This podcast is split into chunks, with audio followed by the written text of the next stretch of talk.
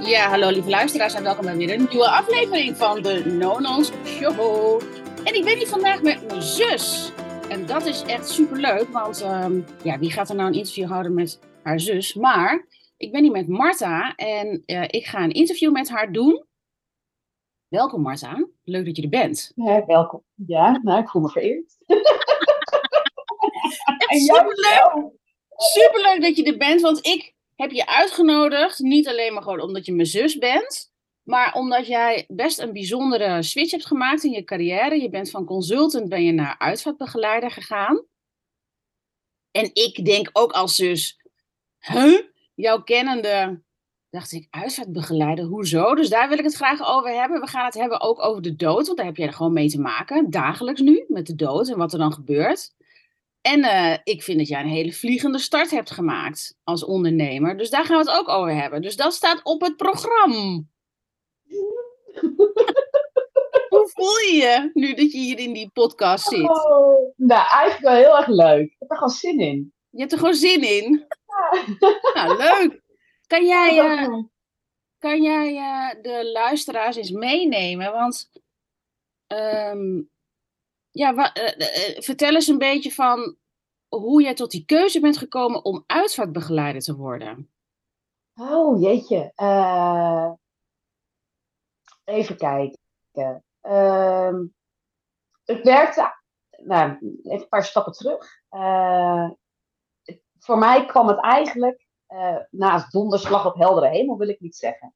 Het is niet iets waarvan ik dacht, toen ik een jong meisje was, uh, in Doetinchem woonde, dacht van, hé, hey, dit is wat ik wil. Nee, ik wilde vroeger iets totaal anders. Dat parkeer ik even voor nu. Maar uiteindelijk... Nee, nee, vertel, vertel even, wat, wat wilde jij vroeger? Wat, wat, toen ik een klein meisje was? Nou, dat is ja? hilarisch. Ik wilde bomvrouw worden van kaasboerderij. Ja, oh ja, oh ja. Oh ja, Hanna van Jan Jans en de kinderen, die in haar eend rond uh, krosten. En dat is meer uh, omdat ik kaas heel lekker vond. Ik vond Hanna een fantastisch uh, figuur uit de strips. En, uh, en dat wilde ik. Van Jan Jans en uit de Libellen? Oh, de, ja, van de, dat was op de achterkant. Van de Margriet of de Libellen, een van die twee. Libellen, ja. Ja.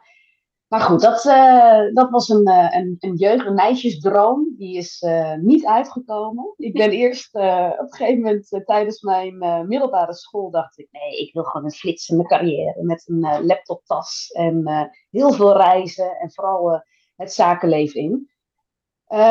internationaal. Dus toen ben ik op een gegeven moment hotelschool gaan doen. Maastricht, Hoge Hotelschool. Er heeft me heel veel geboden. Echt een super mooie opleiding. Zou het iedereen aanraden. En daarna heb ik nog de inhoud gedaan op de universiteit. Nou, en toen ben ik die flitsende carrière begonnen als business Maar even, ja, wacht even, even. Want jij bent daarna naar de universiteit gegaan. Ja. Dus ja. vertel ietsje meer. We hebben niet zoveel haast hoor. De, de, oh, dit ja. is 20 minuten. Dus we kunnen het uitspreken. Dit is mijn elevator pitch. Het mag hier wat uitgebreider. Ja, dat is ook zo. Want jij bent naar Maastricht gegaan op je negentiende. Was het negentiende? Ja, ik was 19, ja. En ja, ben je naar Maastricht gegaan naar de, naar de hotelschool, bij de hotello's? Ja, bij de hotello's. Uh, nou, fantastisch, wat ik al zeg, fantastische opleiding. En met name wat je daar, wat ik daar heel veel uitgehaald heb, is alle vaardigheden, de competenties, hoe je events kunt organiseren, hoe je ook als onderdeel en lid van een in mijn geval dispuut, jaarclub, maar ook als uh, actief lid op een vereniging, uh, dingen in gang kan zetten. Mm -hmm. uh, nou, Maastricht daarnaast, hè, nou, Hoger Hotels gezegd het al, heel erg bezig met gastvrijheid, vanuit een klant redeneren, vanuit een, glas, een gast redeneren en zorgen dat zij ontzorgd worden en nou ja, dat je goede ehm, dienstverlening kan bieden.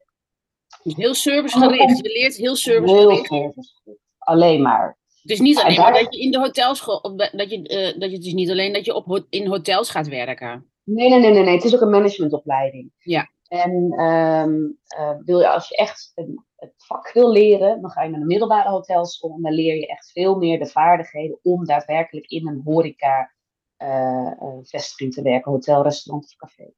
Nou, voor mij was meer managementopleiding. En wat ik ook al aangaf, hè, dat internationale aspect, dat trok mij ook heel erg aan. Dus um, uh, het is en blijft wel een, een praktijkopleiding uh, uh, met de managementvaardigheden. Maar ik had zoiets van, ik wil gewoon alles wat internationaal is ook uithalen. Mm. Dus zodoende ben ik heb ik een uitwisseling gedaan in Spanje. En daarna ben ik naar China gegaan. Heb ik in een ja. vijf sterren hotel heb ik, een stage gelopen. Nou, briljant. En dat was voor mij eigenlijk ook met name, is dat hotelwezen, alles wat er omheen hangt, is dat wat ik leuk vind. Mm Die reden ben ik in mijn laatste jaar ben ik weer internationaal gegaan, naar Spanje. Naar uh, ook weer een vijf hotel. En toen had ik voor mezelf wel de vraag beantwoord, nee. Hotelswezen vind ik hartstikke leuk, maar niet om daar een carrière in te bouwen. Waarom niet? En ook hè, dat internationaal. Nee, nee. Ik, op dat moment het is, uh, nee, ik kreeg er niet de voldoening uit. Dus op een gegeven moment, na vier jaar, had ik zoiets van, nou, het internationaal aspect nog steeds, hartstikke interessant, maar niet in de hotellerie. Ik wil niet zeggen dat het bedrijfsleven interessant is. En daarnaast, die opleiding, uh, ben ik best goed doorlopen in die vier jaar. Alleen ik miste toch nog die inhoudelijke uitdaging. En daarom ben ik op een gegeven moment naar Nijmegen gegaan, daar heb ik bedrijfswetenschap gestudeerd. Daar kon ik een opleiding van vier jaar, kon ik in twee jaar proppen, omdat ik heel veel vrijstellingen kreeg van de HBO-opleiding. En dat was gewoon dikkelen. En daar heb ik uh, eigenlijk dat wetenschappelijke sausje over mijn opleiding gedaan. Uh, en na twee jaar afgerond. En toen had ik zoiets, hé, ik heb eindelijk ergens voor moeten werken. Dus ja. dat voelde meer als een voldoening. En wat een belangrijke reden voor mij was destijds, ik wilde met een HBO-opleiding, was gewoon een beetje aan het kijken van hè, welke eh, waar wil ik werken? En toen dacht ik, ja, ik wil de fast moving in bij een Ahold, bij een, uh, uh, een Heineken, dat soort mooie organisaties. Mm-hmm. En heel eerlijk gezegd, ik weet niet hoe dat tegenwoordig is, maar toen, uh, toen ik ermee bezig was, merkte ik dat het veel makkelijker is op het moment als je een DO-diploma hebt. Dus ja, dat was voor mij een extra universiteit. Ja. Ja, en dat was voor mij een extra stap dat ik dacht, nou, ik zeg niet dat ik die deuren wil openen, maar ik vind het fijn om zelf te kiezen welke deur ik open, zonder dat een bedrijf zegt, ja sorry, je hebt niet het uh, universiteitsformuliertje, de deur blijft voor jou gesloten. Ja. Dus dat creëerde voor mij veel meer mogelijkheden. Nou, en toen op een gegeven moment uh, ben ik eerst uh, nou, ben ik naar Amsterdam gegaan. En daar ben ik op een gegeven moment, nadat ik bij Versatel had gewerkt, ben ik als business consultant gestart in de consulting. Nou ja, en toen kwam ik eindelijk eigenlijk, hoe raar het klinkt, in dat traject van, oh ja, ik kan gaan reizen. Ik ben naar Nokia gegaan, ook een opdracht in Finland. Uh, ik heb andere internationale opdrachten gedaan. Nou, en dat vond ik op dat moment ontzettend leuk. Dus toen ben ik eigenlijk gaan groeien als consultant, heel veel transformaties verzorgd. Uh, op een moment ben ik, heb ik een uitstapje gedaan naar een andere organisatie. Ben ik een interne consultant gegaan voor een, en dan met name bezig geweest met software, Salesforce, dat is dan uh, hot and happening ja. op dat moment. Nou, en op een gegeven moment kwam ik weer tot een soort kruispunt dat ik dacht, wil ik dit of wil ik iets anders? Want ik merkte wel, dat een herhaling van zetten.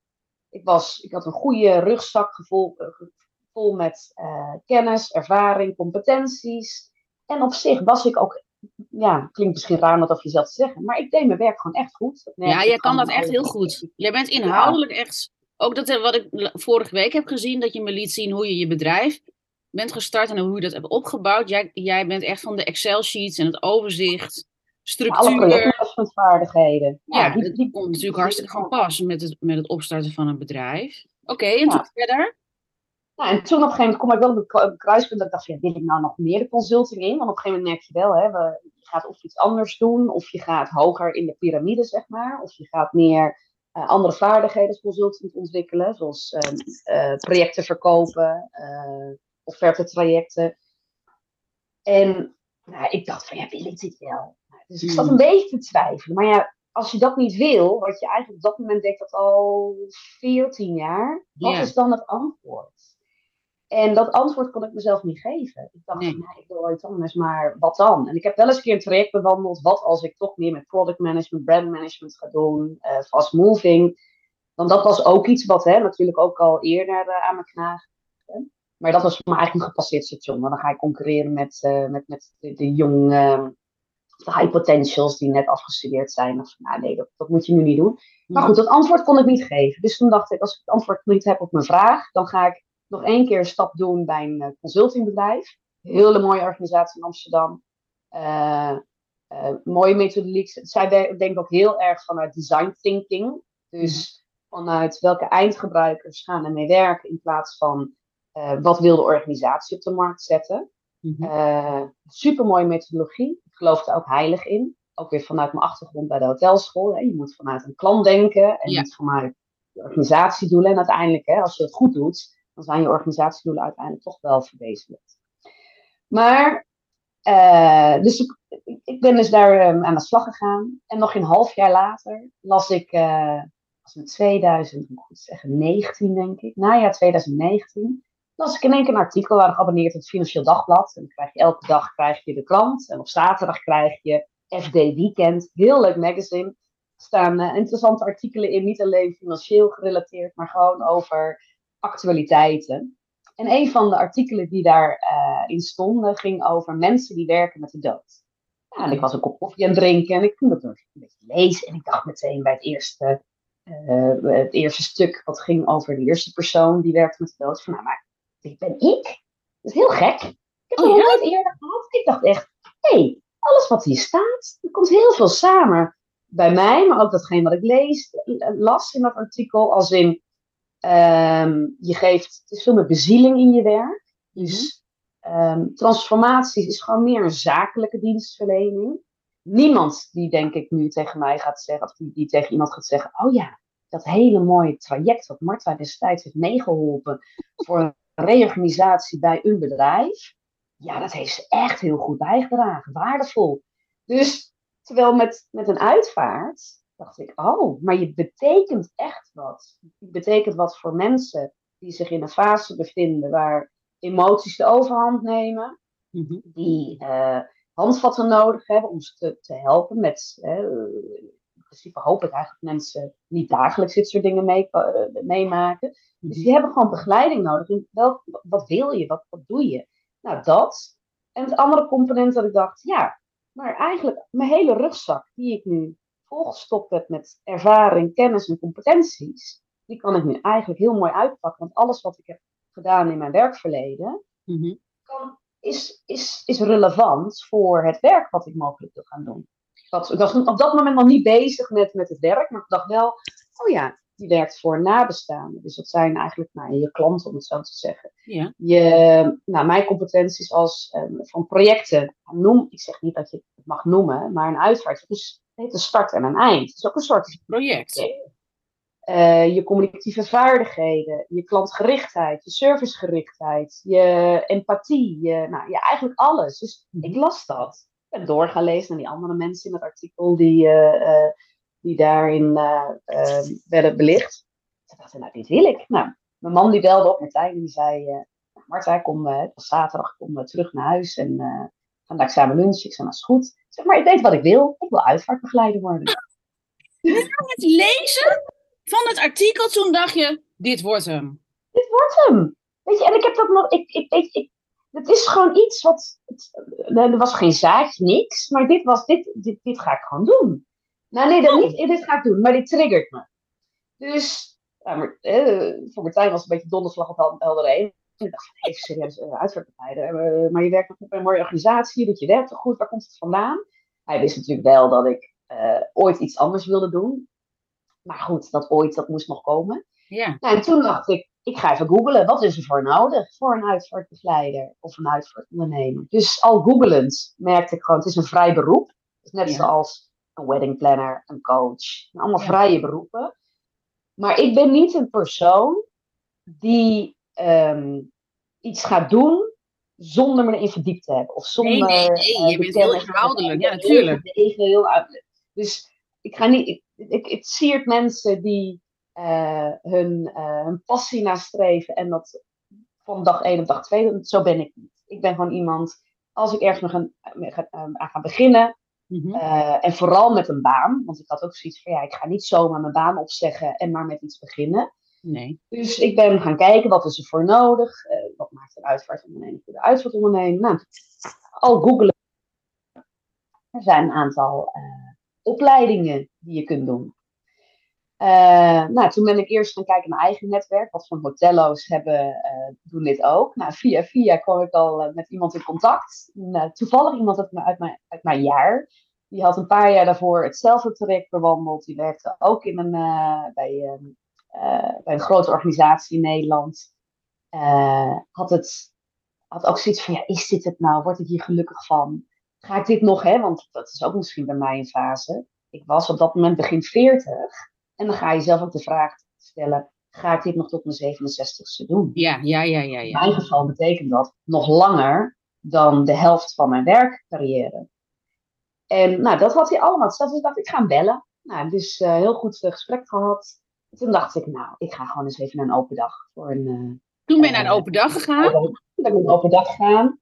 Nou, nog steeds heel enthousiast. En ik ging er met een doel erheen. Hè. Ik wil alles eruit halen om te weten, ga ik me inschrijven voor de opleiding. Nou, en op een gegeven moment heb ik met uh, de directeur van die opleiding ook daarna nog gesproken van uh, hè, wat zijn de twijfels, uh, waarom wil je het wel, waarom niet. En op een gegeven moment heb ik dat twee maanden eventjes opzij gelegd, dat idee. Ook voor mezelf, dat ik van, nou ja, misschien moet ik het even, moet ik even iets langer dan een nachtje over gaan slapen. Ja, even sudderen. Even sudderen. En toen heb ik me toch in januari van 20, moet ik het goed zeggen, 21, heb ik me ingeschreven voor de opleiding. Toen ben ik 1 mei 2021, 2021 begonnen met de opleiding. Dus het, wacht even, hè? Je las, wanneer las je het artikel? Nee, dat moet ik even goed zeggen. Uh, goh, ik ben helemaal de, de, de, de, tijden kwijt. We zitten nu in 2023, 2022. Ik, in 2020, 2000 denk ik. 2020? eind 2020, ja, ik zei 2019, maar eind 2020. Toen las oh. ik het artikel. Toen ben ik 1 mei 2021 begonnen in, uh, met de opleiding. Dat is vier maanden later. Ja. Ja, jij bent redelijk snel. Dit is, en ook voor de luisteraars, voor de luisteraars is het heel goed om te weten dat als je een business wil creëren vanuit je hart. Want dit is voor mij een voorbeeld. Hè? Je, je bent een business aan het creëren vanuit hart en ziel. Zonder dat je je hoofd kwijtraakt. Want hier komt dus, al, er zijn allemaal stappen die jij zet. Je gaat niet zomaar zeggen, oh, ik wil dit worden en dan ga ik mijn baan opgeven. Nee, ik wil dit worden. Wat is er voor nodig? Je gaat naar je netwerk uitreiken. Wie doet dit? Opleiding doen. Nou, en dan de, en dan de vervolgstappen. Dus heb je die, doe je die opleiding en dan en allemaal wel op intrinsieke motivaties. Ik had zoiets van, hè, als, en dat is denk ik ook wel uh, goed om te benoemen. Op het moment als iets je niet pakt en je doet iets omdat je wat geld wil verdienen of zo, of financiële zekerheid. Ja, ik weet niet, voor mij voelt dat niet natuurlijk. Je moet iets doen uh, met dit soort dingen als je een idee hebt, omdat je echt erin gelooft, in jezelf gelooft, en dat bij een soort, ja, ja second nature, zeg maar, zo'n, ja. ja nou, dat is bij mij dus gebeurd. Het voorbeeld is echt dat jij dit doet vanuit hart en ziel. Ja. dus je voelt daar wat bij, je gelooft erin. Maar, en dit, dat, dat geef ik dus ook aan, ik zie heel veel mensen die starten met ondernemen met een geweldig idee, alleen ze nemen de, ze vergeten hun hoofd. En jij hebt een heel mooi voorbeeld met dat je al aangeeft, oké, ik voelde niet meer echt voldoening. Dit is wat ik echt wilde doen, want je was al op zoek. En toen ben je dus uit gaan reiken naar je netwerk. Wie kan dit? En een opleiding gaan volgen. Dat is de vervolgstap. Wat, zijn de, wat was daarna wat je dan deed? Ja, dus die opleiding, dat, was, dat deed ik naast mijn werk. Ja. Dus ik werkte, ik had nog 32 uur destijds. Uh, en deze opleiding kon ik prima combineren, omdat het op een zaterdag viel, eens in de zoveel tijd. Dus, maar ja, dan weer, uh, die opleiding die vond ik zo interessant. Was gewoon, ik zeg niet een hobby, maar ik vond het niet erg om vervolgens, na aanleiding van de opleidingsdag, vervolgens opdrachten te doen. Die deed ik naar avonturen, want ik moest, hè, ik was ook dedicated nog steeds naar mijn werkgever toe. Uh, dus het kwam allemaal on top of, maar het voelde niet als een energievreter. Het was voor mij een energiegever. Ja. Uh, omdat ik het juist heel leuk vond waar ik mee bezig was. En alles wat ik, wat ik als opdrachten, maar ook als uh, ervaring die ik op moest doen, als onderdeel weer van mijn opleiding, voelde meer als, hé, hey, dit geeft me zoveel energie. Ik wil er nog meer van weten. Dus het was een soort spons van, oh, oh, dan heb ik dat gezien, dan wil ik dat ook zien. Dus, oh mijn god. Dus op een gegeven moment had ik, hè, de opleiding duurde een jaar, uh, van mei tot uh, juni het volgende jaar. En uh, ik dacht, nee, dit is het gewoon. Dus toen ben ik vier, vijf maanden na dato, nadat ik begonnen was met de opleiding, had ik contact weer opgenomen met uh, uh, die directeur van de opleiding. Die gezegd, ja, ik moet gewoon sneller gaan, ik wil er meer uithalen. Eh, dus toen ben ik ook meer de praktijk ingegaan, ik meegeholpen met iemand verzorgend, want dat is namelijk ook nog iets. Ik ben dit vak niet gaan doen omdat ik zelf een rouwervaring heb met, een, met iemand uit mijn eigen omgeving. Dit doe ik echt omdat ik denk, ik geloof hierin, ik vind het mooi en ik kan daar iets moois aan bijdragen. Mhm. Dus, maar echt de confrontatie met de dood, om het zo te zeggen, Ja. die had ik nog niet. En die wilde ik wel hebben om te kijken, deins ik daarvan terug Ja. of niet? Dus eh, zodoende ook in mijn eigen tijd weer eh meegeholpen met de verzorging. En nou, ook dat, ik vond dat zo mooi. Het is echt Vertel eens- er. Marta, mensen weten niet wat je bedoelt met verzorging. Wat, hoe ziet dat eruit? Nee, dus er is iemand overleden. Mhm. eh, en iemand die overleden is, die wordt eh, op een gegeven moment zo snel mogelijk overgebracht naar een, eh, naar een plek. Of, of nou, in ieder geval gekoeld, zodat het lichaam zo goed mogelijk geconserveerd blijft tot de dag van de uitvaart. En ehm, eh, iemand die net is overleden, die wil je dan netjes verzorgen. Dus de kleding die ze aan had, soms hè, afhankelijk als ze in een ziekenhuis is, heeft ze misschien lang in haar eigen kleding gezeten. Die wil je dan vervolgens weer ja, een beetje dierbaar en, en, en ehm, ehm, ja, verzorgen. Zorgen dat ze er weer mooi aan uitziet. Dus nieuwe mooie kleding, of nou, de kleding die bij de overledene past, de haren, nou, alles. Dat je denkt, oh ja, hier ligt gewoon mijn moeder weer. Of hier ligt mijn, eh, mijn, mijn echtgenoot of wie dan ook. Dat je denkt, hé. Hey, en dat totaal, en dat, en dat wordt dus gedaan door eh, uitvaartverzorgers. Dat zijn echt mensen die daar ook echt eh, ehm, heel goed hun vak in doen. Ehm, die zorgen ook netjes voor eh, dat de mond gesloten blijft. Nou, alles eigenlijk. Dus je hebt En, uit, eh, want, dus je hebt uitvaart. Kijk, de mensen die, die hebben geen idee, hè? Heel veel luisteraars, die, jij vertelt gewoon, ja, huh, maar heel veel mensen hebben geen idee. Dus je bent een uitvaartbegeleider. Dat wil niet zeggen dat je dan een uitvaartverzorger bent. Dus dat je voor de Ja, het is een beetje lastig dit zorgen. vind ik, vind ik persoonlijk. Want er worden heel veel termen gebruikt voor hetzelfde. Ja, Dus kijk, uitvaartverzorger, dat is mijn optiek. Kijk, in principe ben ik ook een uitvaartverzorger, want ik verzorg een uitvaart. Van ja, een uitvaart, maar niet de overledene. Maar niet de overledene. Die kun je ook een uitvaart verzorgen, maar die verzorgt de overledene. Ja, Dus ja, in dit geval bedoel ik met het woord uitvaartverzorger de persoon die de, uitvaart, de, die de persoon heeft verzorgd. ja precies. Ehm, dus ja, dat is een beetje de terminologie, die wordt door verschillende mensen anders gebruikt. Maar in dit geval dus, hè, de persoon die de, eh, de overledene heeft verzorgd. En dan wordt op de overledene netjes in een kist geplaatst, die uitgekozen is. Eh, en totdat, dat, totdat de dag van uitvaart wordt de overledene gekoeld. Eh, nou, dus ik ging dus mee. En ook toen dacht ik, ja, maar hier deins ik niet van terug. Dit is Nee, zo dat is helemaal niet eng. mooi, dierbaar beroep. En van Heel alles. menselijk. Je vond het heel menselijk, toch? Heel, heel menselijk. Ik echt dacht. Nou, en ik had dan best wel ook een, een, een verzorging waar ik mee ging, waar best wel wat aan gedaan moest worden. Want deze dame die had drie maanden.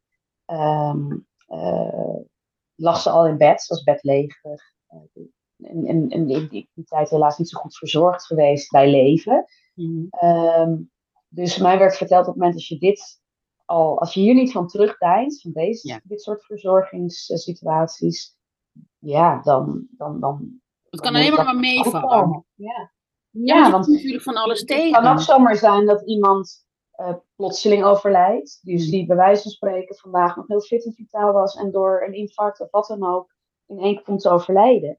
Dan is zo'n lichaam heeft weinig te lijden gehad. Versus iemand die heel veel medicijnen heeft gehad. Daar Ja. is de situatie van het lichaam natuurlijk heel anders. Ja. Dus toen dacht ik, nou, ik wil bijna zeggen, check in de box, dit heb ik doorstaan. Verder. Maar eh, het inspireerde wederom gewoon. Nou, dus op een gegeven moment dacht ik, nou, ik moet gewoon sneller. Dit, dit duurt te lang. Ja. Dat is ook alweer hoe ik als persoon ben. Op een gegeven moment, als ik weet, dit is het, dan wil Ja. ik ook gaan. En dan wil ik Ja. eigenlijk de inhaalslag maken. Nou, dus op een gegeven moment dacht ik, nou, ik moet gewoon het vak in. Ja. Toen ben ik op een gegeven moment eh, in overleg gaan kijken van hè, wat voor organisaties zijn er in mijn omgeving. Eh, wat zou het beste bij me passen. En ook gezien het feit waar ik stond. Want het was niet zozeer dat ik al. Ik heb wel. Eh, op dat moment had ik 18 jaar ervaring met business consultant. Dus de competenties, de vaardigheden, ik als persoon. Dat zijn allemaal competenties die hartstikke handig zijn in het vak. Maar natuurlijk was ik niet bekend nog met het landschap van eh, de uitvaartbranche. Dus de crematoria. Dus dat moest ik nog leren. En nou, zodoende kwam ik bij een organisatie in Haarlem terecht, die mij in loondienst had aangenomen. Mhm. En daar ben ik 2022 begonnen. en eerst moest ik toen weer werk nog informeren. Dus op een gegeven moment vertelde ik daar, ja nee, ik ga uh, mijn baan helaas opzeggen, want ik ga iets anders doen. Ja. Iedereen dacht van, oké, okay, Marta die gaat voor zichzelf beginnen. Ja. En die gaat ZZP'en in de, als, als business consultant. Want dat is waarvan zij dacht, daar is ze heel goed in. En dat is Ja. een logische vervolgstap van haar. Ja.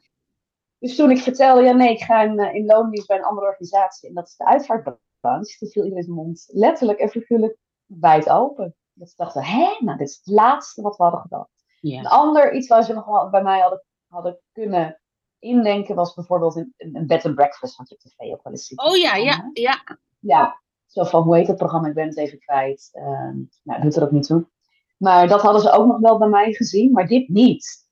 En het grappige was, dus op het moment als ik dingen ging toelichten van nou, dit en dit en dit, iedereen zei ja, maar logisch, we snappen allemaal dat jij dit gaat doen. En ook in mijn privé.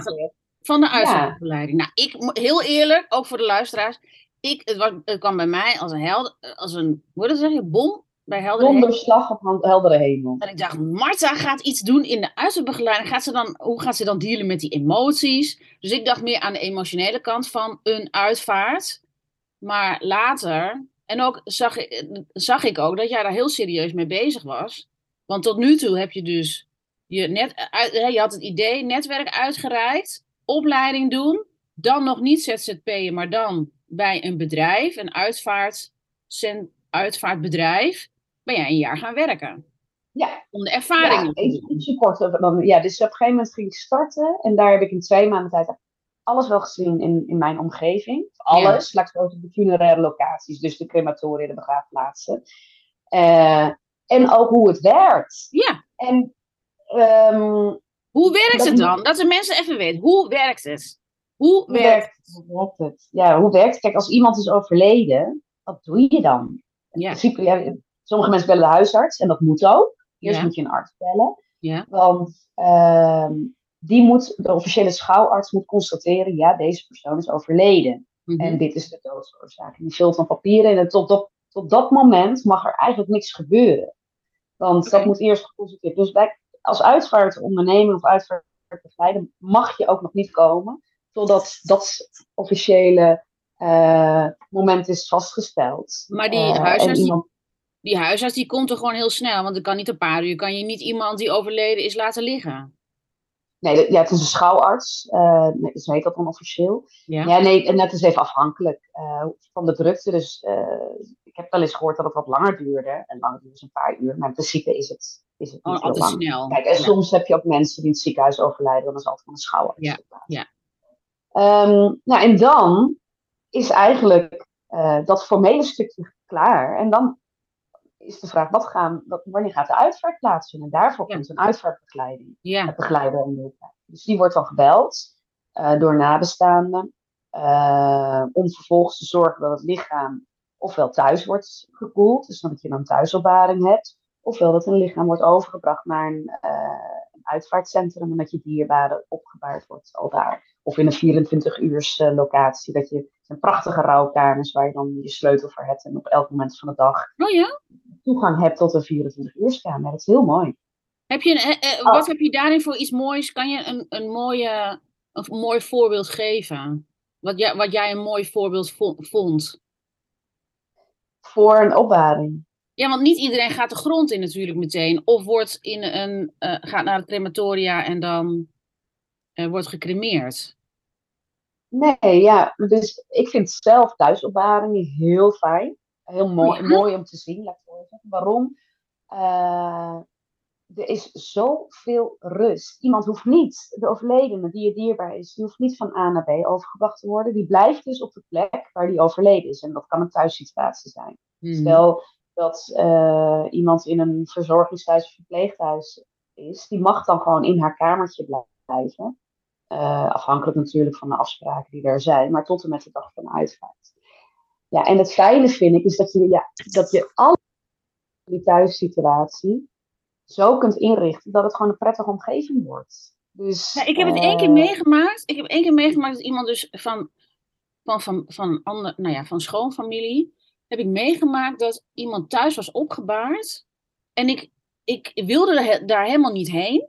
Want ik dacht, oh my god, dan ga ik een overledene zien. En hoe ga ik erop reageren? Eerst schrok, ik me ook helemaal kapot. En dacht, oh, hij ligt hier toch? Maar toen vond ik het zo mooi, want ook vooral de vrouw. Dus het was een man die was overleden en zijn, echt, zijn echtgenote. Die gingen dan naast zitten en die kan, kijk, hier is iedereen. Ze even lekker koffie en thee je zus is aanwezig. Dus die praten nog tegen hem. Het was vooral voor haar en voor de familie, de nabestaanden, een hele mooie manier om de tijd te nemen om afscheid te nemen. Ja. Het is heel laagdrempelig. Het is heel vertrouwd. Het is warm. Uh, en je eigen omgeving. Ja. En uh, ik denk dat, dat dat is zo prettig voor mensen om afscheid te nemen. In, in plaats van dat je naar, een, ik zeg niet dat, dat alle centra zo zijn, maar dat je een afspraak moet maken om een bezoekje te plannen voor, hè, om je dierbaren te zien. Dus stel je voor dat iemand die je heel dierbaar is, heel dicht bij je staat, ergens ligt. Kan heel prettig zijn, hè? dus het is heel subjectief. Maar het, dat betekent dat je een afspraak moet maken. Ga je er ergens heen en dat is prima. Dan krijg je van drie kwartier tot een uur. Hè. Er is altijd heel veel tijd ervoor om daar in een andere omgeving afscheid te gaan nemen. En als je een thuisopbaring hebt op bijvoorbeeld de 24 uurskamer, dan kun je dus altijd zelf bepalen wie er komt, wanneer je komt, wanneer jij de behoefte aan hebt. Jij weet niet wat er gebeurt van tevoren op het moment als er iemand is overleden met je emoties. Je gaat gewoon door een wervelwind van emoties. En als jij zegt om tien uur s avonds heb ik nu de rust om even naast de dierbare te zitten. Dan kun je dat zelf bepalen. Ja. En met een kopje koffie, of je gaat juist een glas wijn open, even een, glas, fles wijn openmaken, je gaat een boekje lezen. Dus die intimiteit en uh, van de ruimte, uh, de warmte van je eigen omgeving, ja, dat, is, dat lijkt mij heel fijn. Maar ja. nogmaals, het is zo subjectief, dat is ieder voor zich. Ja, en dat, dat is nou ook zo mooi om te weten dat er zo'n heel veel verschillende mogelijkheden zijn. Ja. Dus toen, ben jij Ja. gaan, toen ben jij gaan werken bij die uitvaart, bij dat uitvaartbedrijf. Ja. Hoe heette dat soort bedrijven? Uitvaartbedrijf? Uitvaart, ja, het, is, oh, het, is heel, het zijn heel divers. Uitvaartcentrum, uitvaartorganisatie. uitvaart. Ja, maar dan denk ik altijd aan de aula. Maar goed, een uitvaartbedrijf. Grappig. Daar ben je gaan Ja. werken en op een gegeven moment, wat gebeurde er toen? Nou, op een gegeven moment ehm eh, de organisatie die eh, ging reorganiseren eh, om meer in te spelen op, op de ontwikkelingen zeg maar, die er gaande zijn in het uitvaartlandschap. Eh, en dat betekende op dat moment dat ze ehm, meer efficiëntie gingen doorvoeren in de organisatie. Dus Mhm. de organisatie waar ik voor werkte was best wel een eh, eh, traditionele organisatie van oudsher. Die stond al heel lang. En op een gegeven moment moesten er bepaalde ontwikkelingen plaats gaan vinden. Zodat ze weer ja, eigenlijk ehm, eh, in konden spelen op de ontwikkelingen van nu. En Ja. eigenlijk van, van de toekomst. Dus dat betekende dat ze ja, de efficiëntieslag gingen doorvoeren. Dat betekende ook op een gegeven moment onderaan de streep. En dat is natuurlijk weer de kennis die je dan weer hebt vanuit je business consult. Dat je weet van ja, efficiëntie is één, maar twee is natuurlijk dat er wordt naar cijfers gekeken. Ja, En efficiëntie is meer dan alleen eh, hoeveel uitvaarten kunnen we doen, maar ook hoe productief zijn onze medewerkers. En hebben we genoeg personele bezetting of hebben we te veel of dat soort dingen. Dus het is heel breed. Dus ik dacht dan van, nou ja, efficiëntie. Ik had al meerdere malen de vraag gesteld. Ja. Moet ik me dadelijk zorgen maken? Want ik heb een jaarcontract en die loopt Ja. op een gegeven moment af. Ehm, want eh, reorganisatie, efficiëntie, ja, nou goed, voor mij is 1 en 1 is 3. Maar goed. Nou, tot twee keer toen werd mij gezegd, nee, nee, je hoeft je geen zorgen te maken. Tot drie weken daarna, toen werd gezegd, ja, nee, ja, Marta, sorry. ehm betekent toch inderdaad dat het impact heeft voor jou. En alle mensen met een jaarcontract, die gaan we niet verlengen. Sterker nog, eh, we gaan je vragen om, eh, eh, om thuis te blijven. Ja. Totdat blijkt dat, dat, dat de efficiëntie zich daar weer naar vraagt. In de resterende tijd van jouw contract. Dat we je toch weer moeten opschalen. Dus ik toen? eigenlijk in één keer thuis te zitten. precies. en dit was wanneer? Was, wanneer was dit? Ja, dit is recent. Het is eh, nove- en- eind november. En Eind november. Dus moment we hebben het over, Mart, even voor de tijdspanne. Hè? Dus eh, eind, 20 eind 22. Dus je hebt in twee jaar tijd heb je een opleiding gedaan. Je hebt je georiënteerd, opleiding gedaan. En je hebt een jaar, bij, bijna een jaar bij een uitvaartorganisatie gewerkt. Om die informatie en de ervaring te hebben. Dus dit is jouw voortraject geweest. Ja. Om half november te starten. Want half november kwam je bij mij geen koffie drinken. Kan ik me nog herinneren, 15 Uh, ik, weet nog, ik, ik weet nog wel ik zak en as. En daar zak en as. Ik dacht meer, en dat is natuurlijk, hè, laten we ook niet over, stappen over het feit dat je eerst denkt, hé, maar hoezo ik? Weet je, dat is ook zo'n fase waar Ja, iedereen doorheen gaat. Als Ja, het gebeurt, dat je denkt, ik, en ik wist, het is geen persoonlijk ding, het is echt een bedrijfseconomische reden dat ik thuis kom te zitten. Want ook die verbijstering die ik op dat moment had, die hadden heel veel collega's van mij destijds die een vast contract hadden.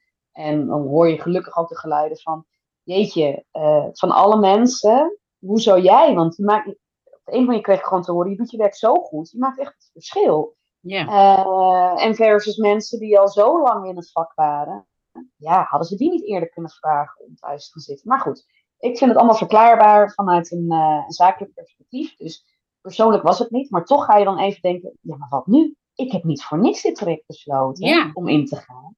is even een Ehm, tegenvalletje lijkt het dan. Ja, want het, ik had het even anders bedacht. En ehm, dus voor mij, eh, op een gegeven moment als dat, als dat je overkomt, dan schieten er heel veel dingen door je hoofd. Je denkt, oh, eh veilige haven. Moet ik toch niet terug naar mijn oude werkgever? Want de deur stond daar eigenlijk ook altijd open, dat weet ik. Want eh, dat, dat hadden ze ook gezegd, van, nee, het blijkt dat het niet zo gaat zoals je hè, weet. We gaan je met beide handen weer ontvangen, want we waren hartstikke blij met je. En, dus Ja. tuurlijk is het door mijn hoofd gegaan. Tuurlijk is het door mijn hoofd gegaan. Ik moet heel snel een ander, andere baan hebben, want ik zit helaas niet in de situatie dat ik kan zeggen, nou, ik zit er heel goed bij voor de komende jaren qua financiële zekerheid. Financieel. Ik hoef even niet te werken. Nee, er moet gewoon. Nee, dat speelt gewoon niet bij mij. Ja. Eh, of in onze situatie. Dus op een gegeven moment, tuurlijk heb ik gedacht, ik, heb ik een gesprekken gehad met mijn oude werkgever om te kijken, hè, wil ik dit? En het gesprek was weer heel prettig. En toen dacht ik, ja, nee, is een eer te na. Ik heb, het, ik heb, ik heb niet dit gedaan om Nee. weer na acht, ma of na acht maanden, na tien maanden, een jaar weer terug te gaan. Oh, dat wist ik dat helemaal is- niet. Nee, Je hebt, dat gewoon is, weer- je hebt toch wel gewoon weer een gesprek gehad met je oude werkgever. Want ja, dan inderdaad van, oh, en nu? Want het komt natuurlijk heel onverwachts. ja, nou, kop koffie drinken noem ik dat.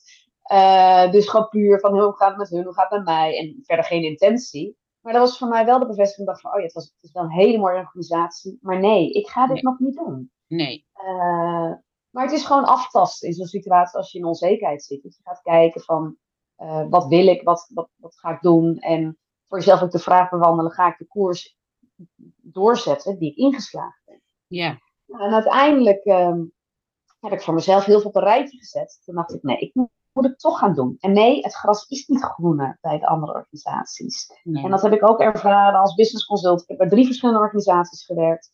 En bij drie verschillende organisaties heb ik het heel prettig gehad. Maar er zijn altijd haken en ogen. Altijd, Ja. hè, je hebt heel veel plussen en je hebt altijd een paar minnen. En Ja. dat is ook in het uitvaartlandschap zo. Althans, met de kennis die ik heb.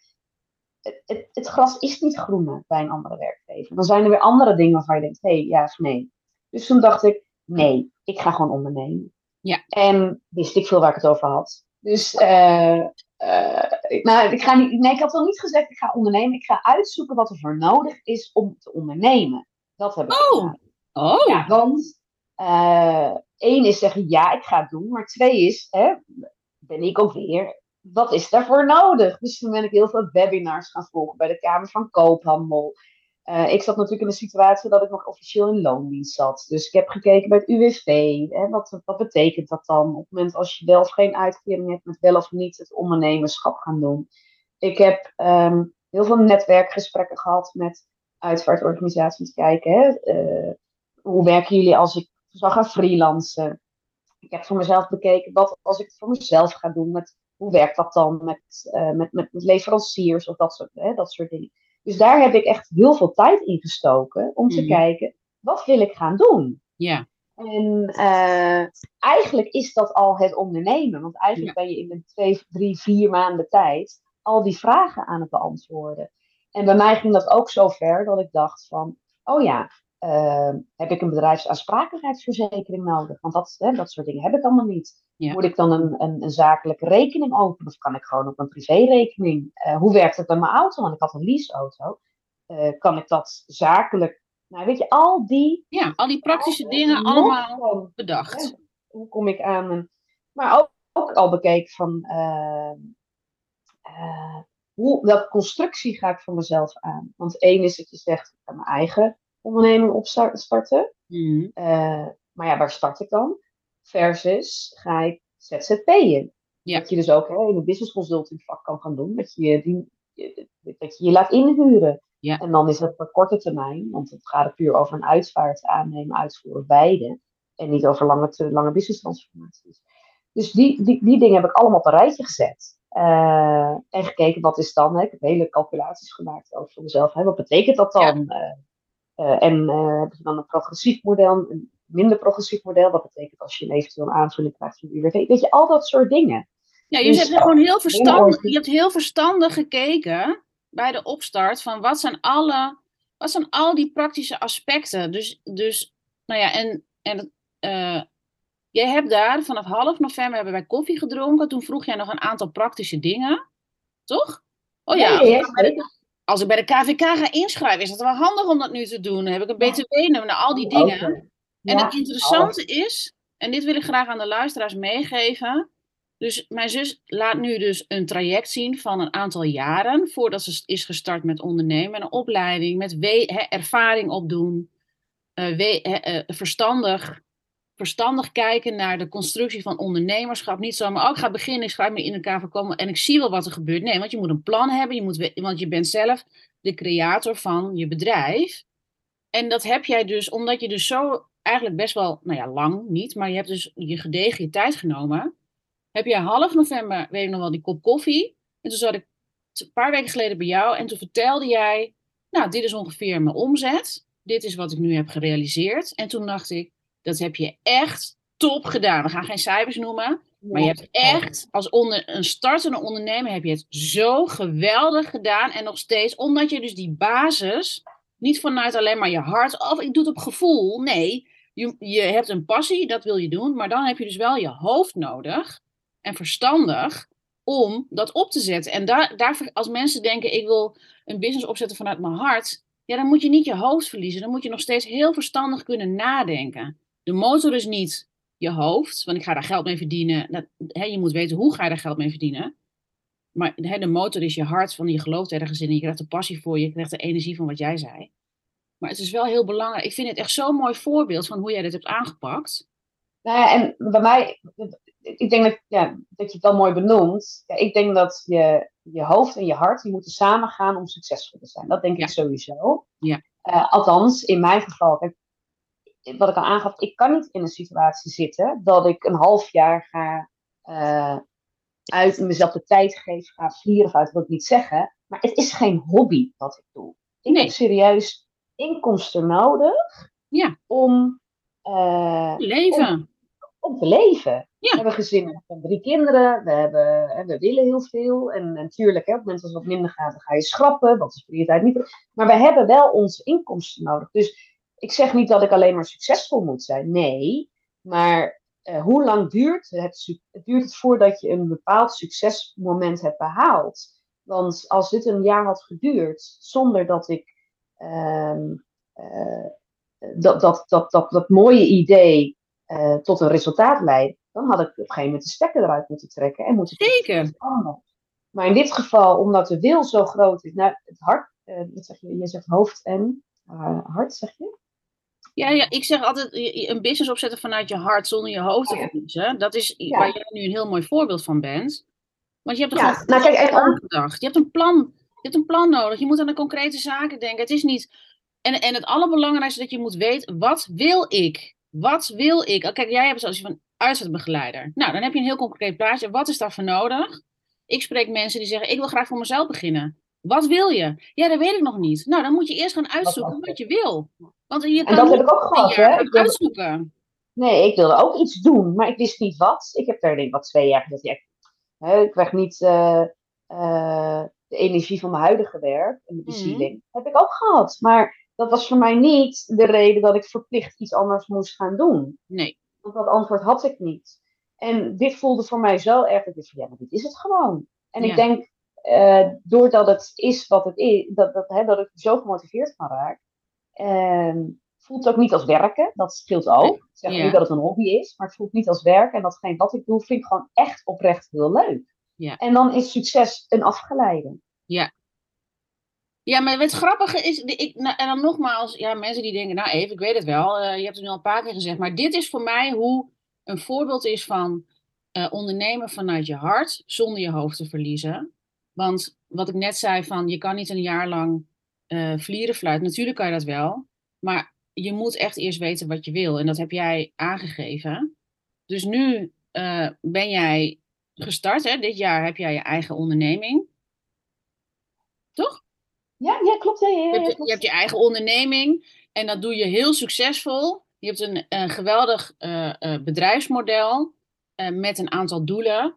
Als we nou eens teruggaan naar wat ik nou zo typisch vind. Hè? Want je had ook bijvoorbeeld um, even heel wat anders. Je had ook bijvoorbeeld uh, uh, wedding planner kunnen worden, maar je hebt gekozen voor de dood. Waarom? Waarom voor, de, voor het project aan het einde van het leven in plaats van. Hè, dat, het kan namelijk ook heel emotioneel, heel verdriet. Je hebt gekozen daarvoor in plaats van. Want wedding planner, dat leek me ook wel wat voor jou. Want dan ben je ook met projecten bezig. Maar waarom, waarom dan het eindproject van een mens? Uh, ja, ik, ik, het, ja, het is heel lastig. Even kijken hoe ik goed. Ja, het is.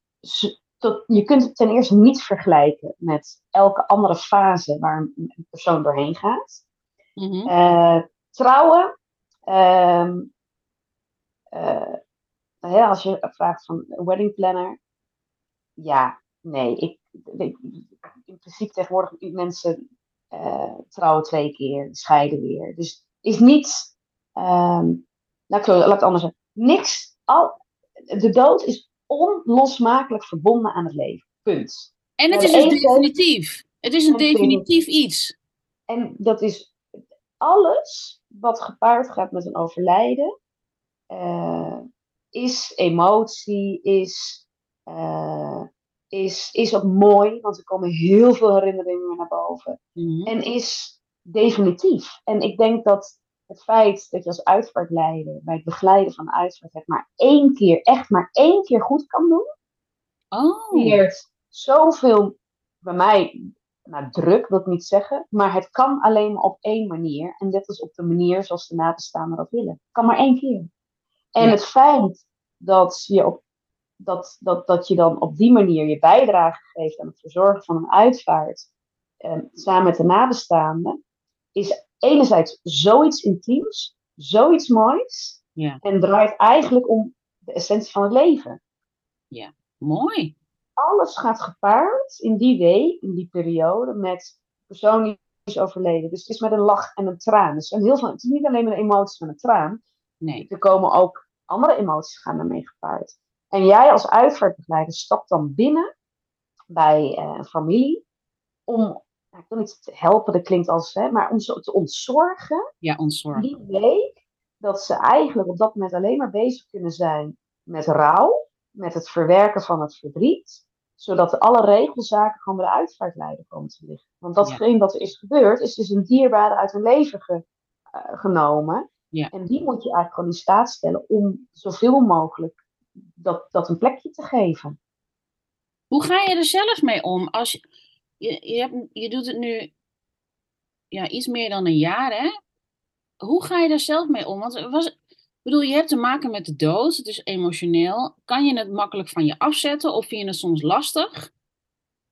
Uh, ik denk hoe dichter de situatie bij je komt. Want je hebt zoveel verschillende uh, situaties waar iemand in is overleden. Ja. Maar hoe dichter de situatie bij je komt, uh, hoe lastiger het voor jezelf wordt. Dat denk ik dat, dat, dat Ja. sowieso. Um, en voor mij is op het moment als, hè, want mensen vragen ook van ja, maar als ik een uitvaart zou moeten verzorgen, joh, ik huil al bij het eerste woord dat uitgesproken wordt.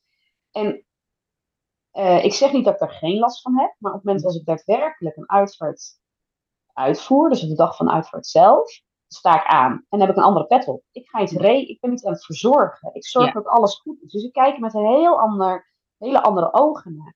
En tuurlijk, op het moment als er gesproken wordt en er is, ik heb wel eens meegemaakt dat er op een gegeven moment een ehm, heel mooi stukje muziek af werd gespeeld. Dat was een oma die was overleden, was al op leeftijd. En eh, een van de nabestaanden een heel mooi eh, fragmentje uit Sesamstraat, dat door een kind, kindje was ingezongen en dat ging over een oma waarvan zij, dat kindje dacht dat hij over straat liep.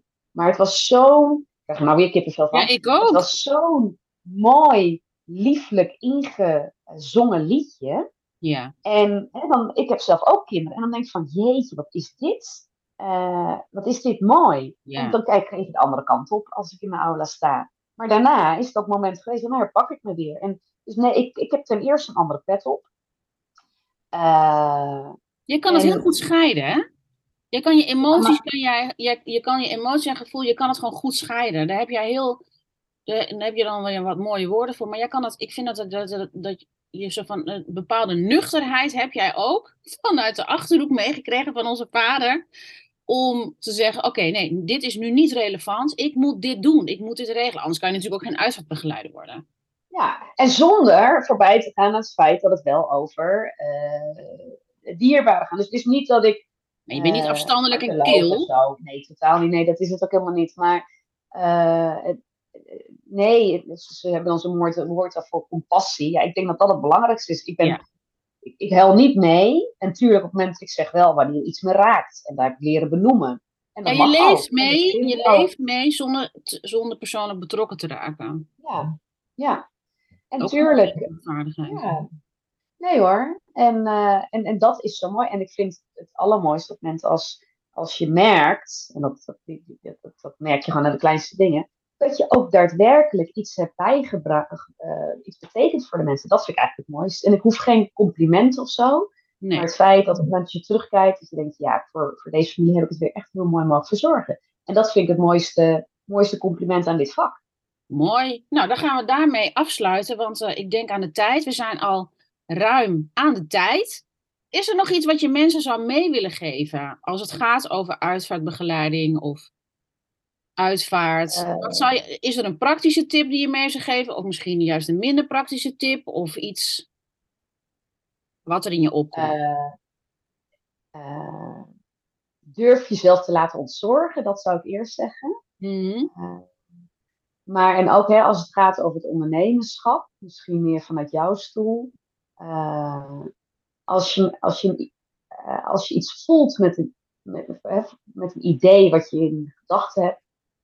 eh, nou ja, misschien hebben we het al gezegd. Maar eh, ga je jezelf niet voorbij door je hart te volgen, maar hou je hoofd erop bij. Ja, hou je hoofd erbij. Hou je hoofd erbij. Neem jezelf serieus in je hartsverlangen en hou je hoofd erbij. Ja. En ik vind het wel heel mooi als we dan op jou, hè, vanuit jouw stoel, vanuit het uitvaart, durf jezelf te laten ontzorgen. Dat is wel echt heel mooi. Ja. Durf jezelf te ontzorgen, of ge- ge- geef jezelf toestemming om ontzorgd te worden. Want ehm, ja, dan wordt het gewoon een hele mooie tijd om gewoon afscheid te kunnen nemen. Ehm, waar, mensen, waar kunnen mensen jou eh, bereiken als ze zeggen: Goh, ik ben toch wel geïnter- geïnteresseerd? Misschien eh, het is niet een acute overlijden, maar wel dat ze eens kunnen kijken van eh, waar kan ik eh Marta volgen? Waar is er meer informatie over? Waar kunnen ze je dan volgen? volgen. Eh, even kijken, op ehm, social media ben ik sowieso op Instagram, Visser Uitvaarten. Maar ook mijn website, en die heet ook visseruitvaarten.nl. Ik denk dat dat de makkelijkste ingang is. Ja, nou die ga ik dan Alle in de show, informatie. Ja, zal het in de show notes zetten. Marta, ik wil je hartelijk bedanken voor dit gesprek. Yes. En eh, ja, leuk. Ik vind het, het, is leuk om, het is leuk om te zien ehm, hoe, wat, wat jij ook zegt, hè. Er zijn meer mensen die boven de 40 zeggen van ja, dit wil ik er nog wel. Want we hebben nog 27 jaar te gaan. Als je 40 bent, heb je nog 27 jaar te gaan. Dat is nog meer dan als je op de 25e bent begonnen. En eh, mooi dat Ja, jij... maar ga dan wel, maar maak er dan nog wel 27 hele mooie jaar van. Ja, precies. Nou, dankjewel voor het luisteren.